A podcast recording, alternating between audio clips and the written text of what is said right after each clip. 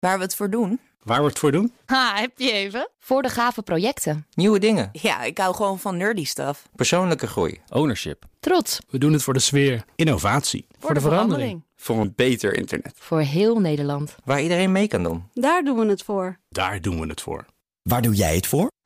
Kom werken voor KPN en groei op jouw manier. Check de actuele vacatures op het gebied van data, security, development en networking op jobs.kpn.com/tech.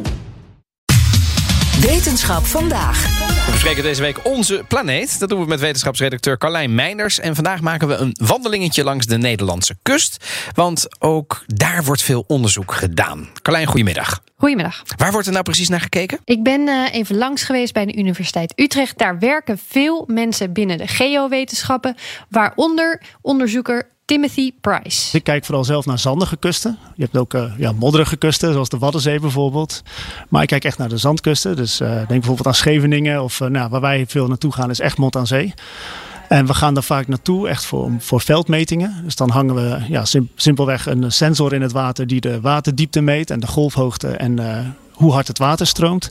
Maar ook bijvoorbeeld hoeveel zand er door het water heen dwarrelt. Nou, en welke vraag probeert hij hiermee te beantwoorden? Hoe dat strand, die kust nou verandert. Dat doen ze dus met veldmetingen, met hoogtemetingen, videobeelden van vaste camera's die aan de kust staan, drones, tegenwoordig ook satellietbeelden. Nou, storten wij aardig wat zand bij om de vorm van onze kust hier te bewaken. 12 miljoen kubieke meter per jaar. En dat zand dat wordt onder water geplaatst. En het idee is dat het dan langzaam onder invloed van natuurlijke processen dan uh, landwaarts beweegt. Uh, we zien dat dus gebeuren, maar we weten eigenlijk niet precies ja, hoe die zandkorrels als het ware hun weg vinden naar het strand en het duin. Maar hoe ga je dan, dan wel achterkomen, Carlijn? Nou, dat is dus nog niet zo makkelijk. We kunnen wel meten, bijvoorbeeld over de hele waterdiepte, van uh, hoeveel zand er doorheen uh, zweeft op elke diepte. Um, maar je moet dan aannames doen over hoe, hoe groot die korrels zijn. En hoe die verdeling ja, binnen die korrelgroottes is. Want we willen dus weten wanneer zijn de grotere korrels in beweging, wanneer zijn de kleinere korrels in beweging.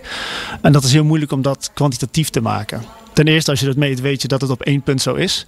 Maar ideaal gezien wil je eigenlijk weten waar die korrels dan vervolgens heen gaan. En het volgen van die korrels. Dus uh, dat, ja, als, je kan als ze moeilijk allemaal een sensor geven. Ja. Precies, nou, als ja. dat zou kunnen, dan, uh, uh, dan zou dat heel mooi zijn. Dus wat, wat er nu bijvoorbeeld gedaan wordt, is er wordt gebruik gemaakt van fluoriserend zand of magnetisch zand.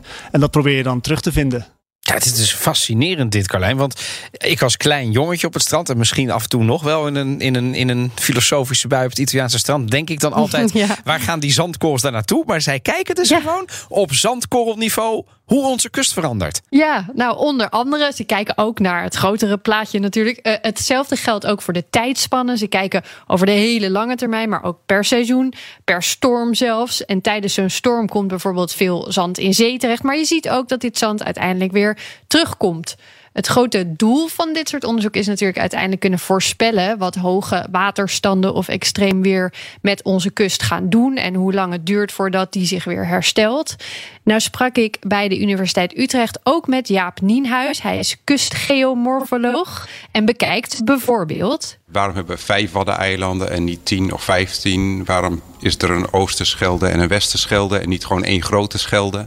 Waarom is Nederland zo groot en niet veel groter of kleiner? Dat zijn nou de relevante vragen. Enorm. Ja, ja. ja en, en, maar hoe vind je daar dan de antwoord op? Nou, dan kijk je bijvoorbeeld naar iets als de verhouding tussen golfenergie en getij in de Noord- en Waddenzee. Als je heel veel getij hebt, dan heb je eigenlijk heel veel gaten nodig tussen de eilanden. Uh, om al dat getij van de Noordzee naar de Waddenzee en weer terug te kunnen transporteren. Uh, en als er heel veel golven zijn, dan zijn die eigenlijk heel goed in het eroderen en het verplaatsen van zand van de eilanden naar die gaten tussen de eilanden. Een soort formule krijg je dan, als ik het goed heb? Ja, een soort formule voor eilandjes. Veel golven, minder eilandjes, veel getij, meer eilandjes. Ah, ja. En de verhouding bepaalt dan hoeveel het er uiteindelijk worden. Wij kregen er vijf in de Waddenzee. Um, hij kijkt dus hoe vormen gebieden zich, maar wil uiteindelijk ook kunnen voorspellen hoe we er in de toekomst bij liggen. Uh, Nederland is ongeveer 40.000 vierkante kilometer groot nu. Maar is het over 10 jaar of 100 jaar nog steeds zo groot of een stuk kleiner? En waarom zien we dat sommige landen bijgroeien, zoals Bangladesh en andere kustgebieden of andere landen, zoals in Amerika, eh, zien we die krimpen eigenlijk eh, door de zee. Als we het dan toch even over Amerika hebben, hoe, hoe is het daar in Amerika? Hoe erg is het daar? Nou, New Orleans eh, aan de Mississippi heeft ongeveer één voetbalveld per uur verloren in de afgelopen 40 tot 50 jaar, zei Nienhuis. Dat is veel. En in Zuid, ja, dat is enorm veel. In Zuidoost-Azië komt er dan weer heel veel kust bij. Maar waarom precies? Hmm. Dat proberen ze nu in modellen te vangen. Hoe dit proces verloopt. Waar we dit kunnen verwachten. Zeker nu de zeespiegel in rap tempo stijgt. En er op plekken sprake is van bodemdaling. Ook hier. Ik vroeg hem nog uh, aan welke informatie zou hij nou nog veel hebben in zijn onderzoek. En dat is vooral data over die, uh, die bodem. Die bodem van de zee ook. Daar weten we super weinig van af. De hoogte daarvan. Hij zei, we weten eigenlijk meer van Mars dan van de uh, bodem van onze eigen oceanen. Nou, daar zou hij nog heel gelukkig van worden als daar meer data over komt. Ja, en dan is het natuurlijk ook fijn dat dit soort onderzoekers ook weten wat te doen met al die verzamelde data. Precies. En dat horen we dan weer bij jou, Carlijn. Dus dat is fijn. Zeker. Ik ga je weer bedanken. Dankjewel, Carlijn Meinders, onze wetenschapsredacteur.